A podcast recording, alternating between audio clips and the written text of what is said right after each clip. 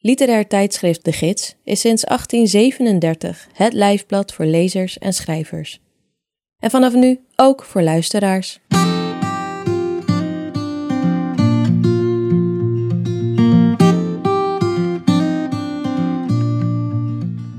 Normaal gesproken hoor je in sprekende letteren een auteur die zijn of haar geschreven verhaal, essay of poëzie uit de gids voordraagt. Maar hoe klinkt literatuur die speciaal en alleen voor het oor is gemaakt? Om daarachter te komen, vragen we de komende tijd bij elk themanummer van de gids iemand om een audiowerk te maken. In deze aflevering hoor je het eerste resultaat. Voor het nummer Doe het zelf design over de vormgeving van het zelf maakte Marte Bonenschansker het werk Stervelingen, waarvoor ze verschillende mensen sprak over het leven na een bijna doodervaring. Luister mee naar Stervelingen. Twee jaar geleden had ik samen met een vriendin een auto-ongeluk. We waren bijna dood. Bijna dood, dat is zoiets als een beetje zwanger. Ik bedoel, je bent niet dood, je leeft nog. En toch is het vaak een transformatieve ervaring. Wie word je na de val, de klap, het schijnbare einde? En hoe kan een schijneinde juist een echt begin zijn? Ik spreek die vriendin in levende lijven en nog twee mensen die ieder op hun eigen manier zichzelf opnieuw hebben uitgevonden.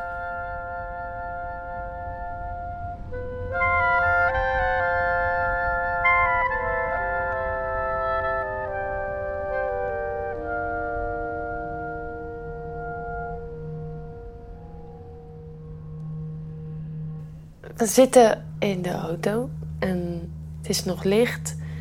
En Ik ben aan het rijden, jij zit in de bestuurdersstoel. ik zit in de bestuurdersstoel. En we rijden over de afsluitdijk. En het is best rustig op de afsluitdijk. En dan eh, zijn we aan het kletsen. En opeens voelen we een soort schok. En horen we eh, volgens mij heel veel geluid.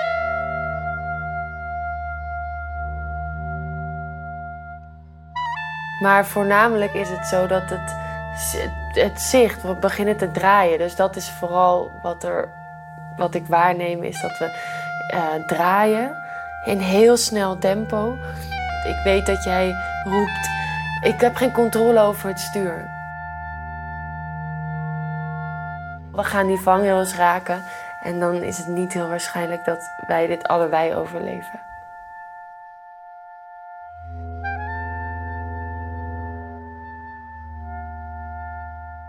Ik kijk achter me en ik zie jullie keukentje. Het keukentje in die, eh, in die bus met, met oranje-bruine ruitjes. En terwijl ik terugkijk, dat is eerst bruin en oranje in mijn herinnering. Maar dat, dan wordt dat wit. Terwijl we draaien en op die vangrails afgaan, ben ik heel peaceful eigenlijk. Omdat ik ook dat licht zie en, en ik ben niet alleen ik ben met jou en jij bent heel lief en heel mooi iemand. Dus ik ben niet alleen dood aan het gaan. Heb je het gevoel dat je eh, naar de andere kant bent geweest? Oeh, ik krijg helemaal, helemaal kriebels van, van deze vraag. Ik denk dat ik me echt mentaal aan het voorbereiden ben op niet meer in dit lijf zitten of zo. Misschien is dat wel wat er gebeurde het moment voelde voor mij in die, in die auto, het voelt zo alsof het allemaal goed is. Dus dan doodgaan, na nog 30 jaar leven doodgaan, is een soort. Het is geruststellend en warm en lief. En een soort, oh, maar we hielden gewoon allemaal van elkaar. Of de liefde, er is liefde in de materie.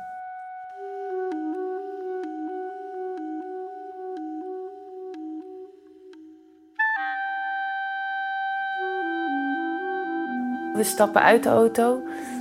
Mm, we zijn heel trillerig en we omhelzen, heel veel omhelzingen, heel veel soort van bijna een ongeloof van is er echt niks aan je, een soort voelen aan elkaar en We zijn heel fysiek of zo. Het is heel veel pakken en een soort. ja hè. Al is, al- Gewoon alle, alsof, je, alsof ik al jouw lichaamsdelen aan wilde raken om te weten dat ze niet vernietigd of verbrijzeld zijn. Is een soort fysieke, heel intense verbinding. Alsof we samen een kind hebben gebaard. Zo, zo stel ik me voor Hmm. dat, dat het dezelfde soort intensiteit heeft. En we opnieuw zo voelen van waar wij leven. We zijn, we zijn hier nog. We leven nog. Marten, we leven nog. Ja, we leven nog. en ook dat ik toch ook dacht, ben ik nu dood? Ja, Is dus de dood dat je dus dat je sterft en dat je daarna gewoon nog steeds op aarde bent ja. en uit je auto stapt en die andere doden vastpakt. Op een gegeven moment komt de politie en die benaderen ons 100% als stel. Iets wat we ook niet recht hebben gezet. Ja. En dan maakt het niet eens uit wat er aan context van waar is of zo. Maar op dat moment was, was er geen hechtere verbinding tussen mensen dan tussen ons. Het is ook een soort geheim wat niet uit te drukken is in taal. Alsof je een geheim vast hebt, maar dat je dat wel voelt, maar je kunt het alleen niet uitdrukken. Een soort gevoelsweer, gev- een vat met gevoelens. Wat ik ook moeilijk vind is dat het me spijt of zo dat wij elkaar minder zijn gaan zien. Het is ook niet vol te houden, denk ik, van een bijna doodervaring hebben samen. En op basis daarvan die intimiteit of dat, die, dat levend te houden of dat, of dat is geen garantie voor hoe je vervolgens ontwikkelt als mensen met elkaar. En dan vind ik dat misschien wel confronterend of dat, dat die intimiteit er dan niet is. Of dat dat pure gevoel wat wij toen deelden en die, dat, die liefde op dat moment, dat dat dan... mm, Ook weg hebt. ja, Maar Eva, we leven nog. En, ja, klopt. We zijn, we zijn hier nog.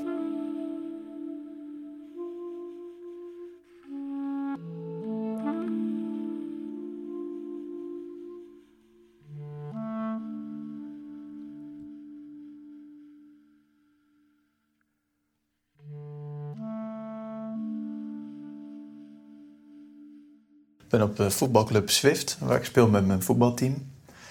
En eh, we spelen een eh, wedstrijd tegen SDZ. En eh, het staat heel lang 1-1. En hun coach, alvast disclaimer, het moment waar het over gaat, daar heb ik alleen maar secundaire bronnen van, want dat heb ik zelf niet bewust meegemaakt, of tenminste geen herinnering van. Maar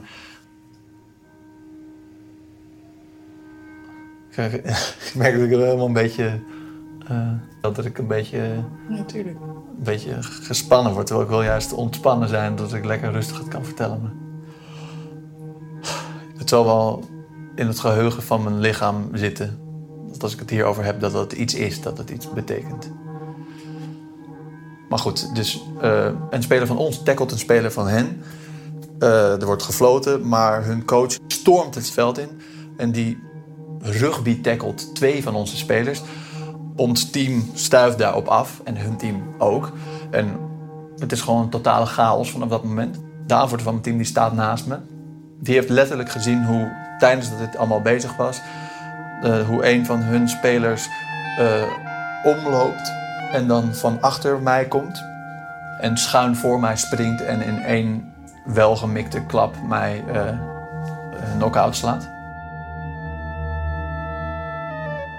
Hij raakt me op mijn, ja, eigenlijk een soort van op mijn rechter jukbeen. En hij raakt me zo dat hij, ja, inderdaad, dus ook mijn neus raakt en ook mijn, mijn lip en ook mijn eh, wang. Ja, zeer adequaat, want het heeft me in één keer, in één keer uitgeschakeld. Met veel bloed en schuim en zo. Ik ging gewoon zo stijl achterover en ik eh, eh, was meteen oud. En zij renden er grotendeels vandoor, maar niet nadat de jongen die mij neerslaat eh, juicht door het effect eh, wat hij heeft teweeggebracht met zijn klap.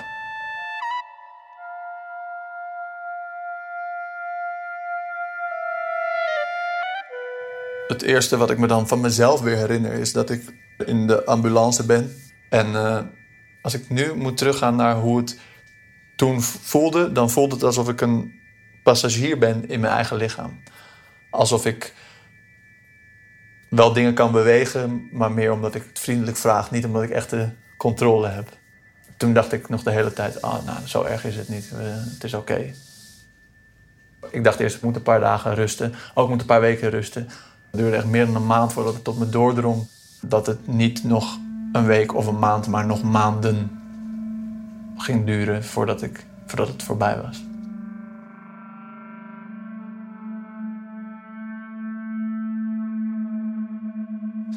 Maar ik denk waar, het, waar de meeste angst en moeilijke gevoelens kwamen, was toen ik weer eigenlijk begon met bewegen. Toen ik de eerste dagen eh, naar buiten ging en dan tot de hoek van de straat kwam en dan merkte: holy shit, ik moet nu terug, want anders dan moet ik straks gaan liggen tot ik weer bijgekomen ben. Dat was het moment waarop, eh, waarop ik wel angstig begon te worden. En dat is dan wel heel typisch, want dat hoor je vaak dat oude mensen ook vaak angstiger zijn op straat.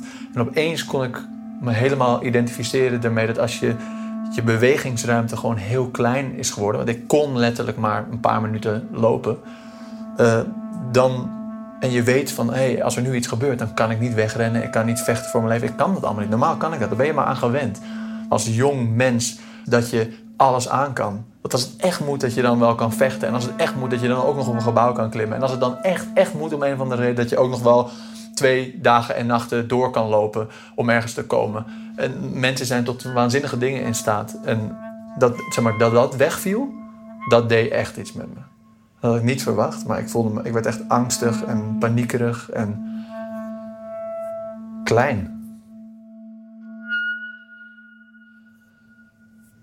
Die ervaring van het eh, verlies van mijn kracht en de angst die daarbij kwam, dat was een veel grotere, dat was veel heftiger voor me dan de hersenschudding zelf, dan de klap, dan de hoofdpijn, dan het herstel, dan het blind zijn, dan geen geluid of licht kunnen verdragen. Verloor mijn vertrouwen eigenlijk En verdween dat gevoel toen je krachten terugkwamen? Ja. Ik, ik heb het gevoel dat ik heb ervaren hoe het gaat zijn als ik straks ouder word en langzaam mijn functies verlies, maar dan heel snel. En toen ik dat niet meer had, besefte ik: holy shit, dit, dit is het. Want Dit, dit gaat me nog een keer gebeuren. En dat is waarschijnlijk, als ik geluk heb, de laatste keer dat het me gebeurt. En dan is het klaar. Dan is het voorbij. Dan ga ik dood.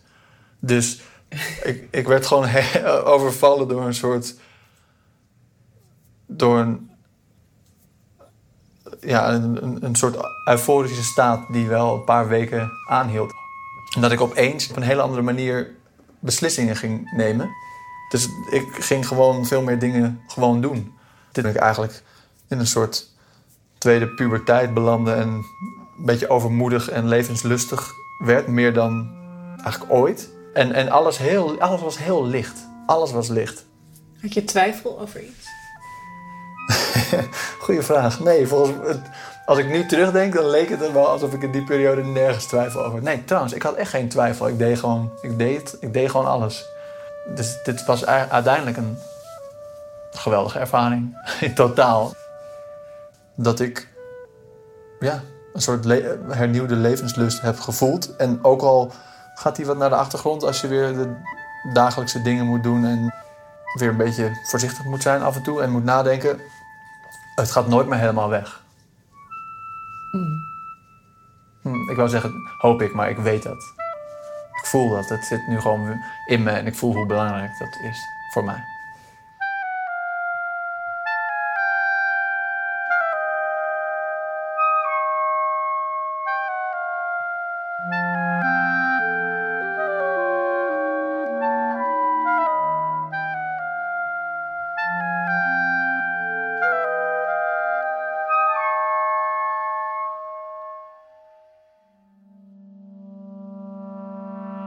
Ik loop door Amsterdam. Op dat moment heb ik, ik een aantal vrienden met wie ik omga. Vrienden, het zijn geen vrienden, het zijn kennissen. Op dat moment heb ik al best wel wat, heb ik al behoorlijk wat gedronken. En ehm, Op een gegeven moment ga ik volgens mij een huis binnen. Volgens mij is het een soort feestje, het een bijeenkomst. Het is, ja, nou, ik denk eerder dat het gewoon een drugshuis is, eigenlijk, om heel eerlijk te zijn, waar mensen met elkaar drugs aan gebruiken zijn. En daar zijn nog meer allemaal mensen. Mensen zijn gewoon, zijn, zijn allemaal best wel naar de kloten. En er wordt me iets aangeboden. En volgens mij, en we, gaan het roken met elkaar. En op dat moment raak ik helemaal van de wereld. Ik weet niet zeker of ik toen heroïne heb gebruikt of niet. Dat weet ik, kan ik me niet meer herinneren. Ik heb het gewoon niet meer onder controle en ik weet niet meer, ik weet niet meer wie ik ken. Ik weet niet meer wie ik wel ken, wie ik niet ken. Ik weet niet meer wie ik ben. En eigenlijk op het volgende moment word ik wakker. Op de trappen beneden bij Centraal Station. En wat daartussen precies gebeurd is, weet ik gewoon niet meer.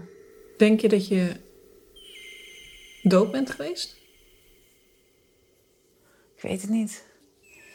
Ik, kan me nog herinneren dat ik op een bank lig, daar. En daarna kan ik me, is het volgende moment wat ik me echt kan herinneren, is als ik, als ik wakker word daar op die trap.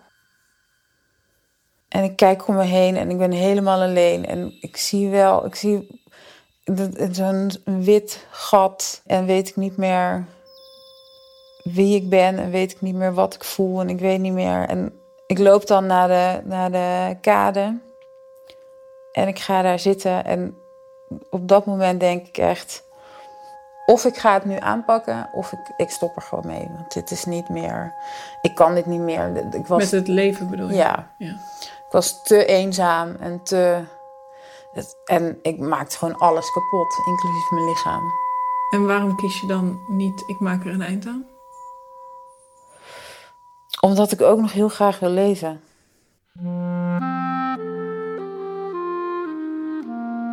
Ik heb een eetstoornis gekregen vanaf mijn twaalfde. Hoe oud was je op dit moment? Uh, dat ik wakker werd? Ja? Uh, 21 volgens mij. Een heel deel van, van mijn ziekte komt ook uit dat ik uh, als kind gewoon niet wist hoe ik met mijn gevoel om moest gaan. Ik heel veel voelde en mijn ouders niet konden dat niet. En dan kwam ik erachter dat ik op vrouwen viel, wat heel ingewikkeld was. Dan word je steeds bozer en dan word je, ga je steeds verder afzetten. En dan, ja, dat wordt gewoon van, gaat van kwaad tot erger. Op een gegeven moment was het zo, toen ben ik uh, uh, in Amsterdam gaan wonen. Maar mijn eetstoornis bleef maar terugkomen en dat werd wel steeds erger. En daarbij ging ik ook nog best wel veel drinken en ging ik heel veel drugs gebruiken. En, uh, maar wat is heel veel? Wat, wat moet ik me daarbij voorstellen? Uh, ja, dagelijks heel veel, heel veel snuiven, heel veel uh, pillen slikken, heel veel. Ik deed, deed wel eens gewoon op een, op een dag slikte ik 10, 15 pillen gewoon achter elkaar, gewoon doortikken. Ja, gewoon, het, het, het, sloeg nergens op. En ik, kon, ik, kon, ik had gewoon geen contact meer met, met, met dit en met de realiteit. En om je, uh, je eetstoornis en eigenlijk je ziekte dus overeind te houden, ga je liegen. En ga je ook, je bent niet meer eerlijk. Je bent niet meer eerlijk naar de mensen om je heen. En uh, op een gegeven moment gaan mensen je dan laten vallen. En uh, dat, is toen, dat, dat is toen in die maanden eigenlijk dat ik ook stopte met ja, eigenlijk ben gestopt met de studie, uh, ben ik, heeft iedereen me ook laten vallen, omdat het gewoon niet meer ging. Ik heb me heel eenzaam gevoeld, me heel erg gekwetst gevoeld. Ik heb me heel erg boos gevoeld. Het was allemaal. En ik probeerde, deed er alles aan om niks te voelen. Dat doe je met je eetstoornis, dat doe je met drank, dat doe je met drugs. Om gewoon maar niks te voelen. Alleen toen ik daar wakker werd en me realiseerde, dit, is, dit, dit gaat niet meer. Toen ben ik op dat moment ben ik naar GGD gegaan. Toen mocht ik twee weken later in die kliniek beginnen. Dat was de allereerste keer dat ik zelf uh, heb besloten om in therapie te gaan. En dat ik ervoor open stond dus. En dat ik... Ik wilde heel graag veranderen. En ik wilde niet meer waar ik vandaan kwam. Dus er was voor mij heel veel aan gelegen om dat Ehm, om dit te laten lukken. En toen is letterlijk echt elke, elke stoelpoot die ik onder me had, die is onder me vandaan gezaagd. Toen ben ik opnieuw gaan bouwen.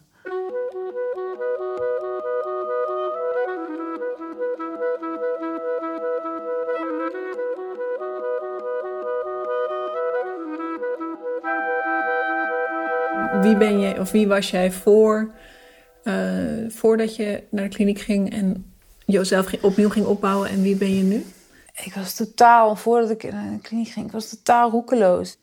Uh, worst van elke zelf, ja, eigenwaarde, die heb je gewoon niet meer. En dat maakt je ook echt heel klein. En dat maakt je ook tot een totaal onbetrouwbaar persoon voor de mensen met wie je omgaat.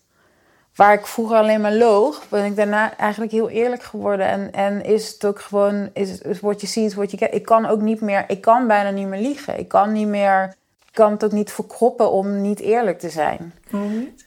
Omdat ik denk ik destijds zoveel mensen kwijt ben geraakt en pijn heb gedaan met liegen en bedriegen. En niet eerlijk zijn, dat ik dat niet meer. En dus eh, het, soms vind ik het best gek in wat ik toen heb gedaan. Maar dat is ook als ik terugkijk, denk ik, oh ja, je was echt wel heel ziek. Het allerbelangrijkste eigenlijk wat voor mij in die therapie, wat ze mij destijds in die therapie hebben geleerd, is dat elke dag opnieuw begint. En dat je dus elke dag opnieuw een kans hebt. En je ehm, dus weer iemand kan zijn. En dat je niet alleen maar uh, datgene bent wat je ooit was. Je mag jezelf elke keer weer opnieuw uitvinden.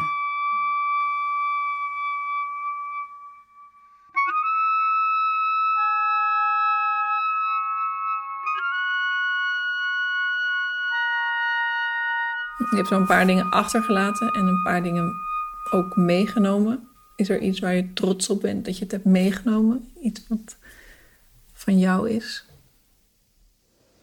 Hmm. Ik ben trots dat ik, me, dat ik uiteindelijk wel nog uh, mijn eigen hoofd heb meegenomen, denk ik. Hoe bedoel je? Nou, ik heb wel uiteindelijk mijn eigen blik en mijn eigen. Uh, ik kon wel altijd al als kind kon ik en dat heb ik laatst toen ik ging trouwen een tijdje geleden, van een heel aantal jaar geleden. Toen kwam mijn familie met foto's en toen zag ik de ondeugende blik zeg maar van mezelf als als twee driejarig kind die ook best wel niet open stond en die ook gewoon echt de, de wereld aan, wil, eh, aan wilde vliegen en die gewoon vrolijk was. Ik ben heel blij dat ik dat niet ben, kwijt, ben kwijtgeraakt. Hmm. Echt heel blij om. Hmm. En wat is er getransformeerd voor jou? Uh, wat is de grootste transformatie die je hebt meegemaakt? Uh, is denk ik gevoel voor eigenwaarde. En dat ik gewoon trots kan zijn op mezelf. En dat ik dat, dat had ik nooit. Ik haatte mezelf echt. Ik was gedacht van, zou ik het anders willen? Zou ik een andere weg, maar het heeft me zo gevormd dat ik het ook heel waardevol vind. En dat het ook nu me heeft gemaakt tot wie ik nu ben. En nu naar de wereld laat kijken zoals ik nu naar de wereld kijk. Ik zou het, ik zou denk ik dan toch ervoor kiezen misschien om het weer op, op eenzelfde manier te doen.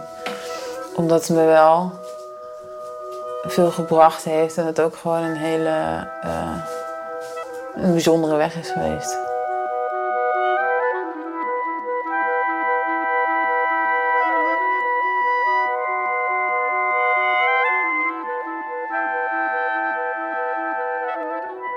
Je luisterde naar Stervelingen. De muziek is gemaakt door Matthias Sigurdsson. De mixage lag in handen van Arno Peters. En luisterend oor was Vincent Brons. Natuurlijk ook veel dank aan iedereen die ik sprak. Zij blijven liever anoniem. En aan de gids voor wie ik dit audiowerk maakte. We leven nog. En als jij hier naar luistert, jij ook.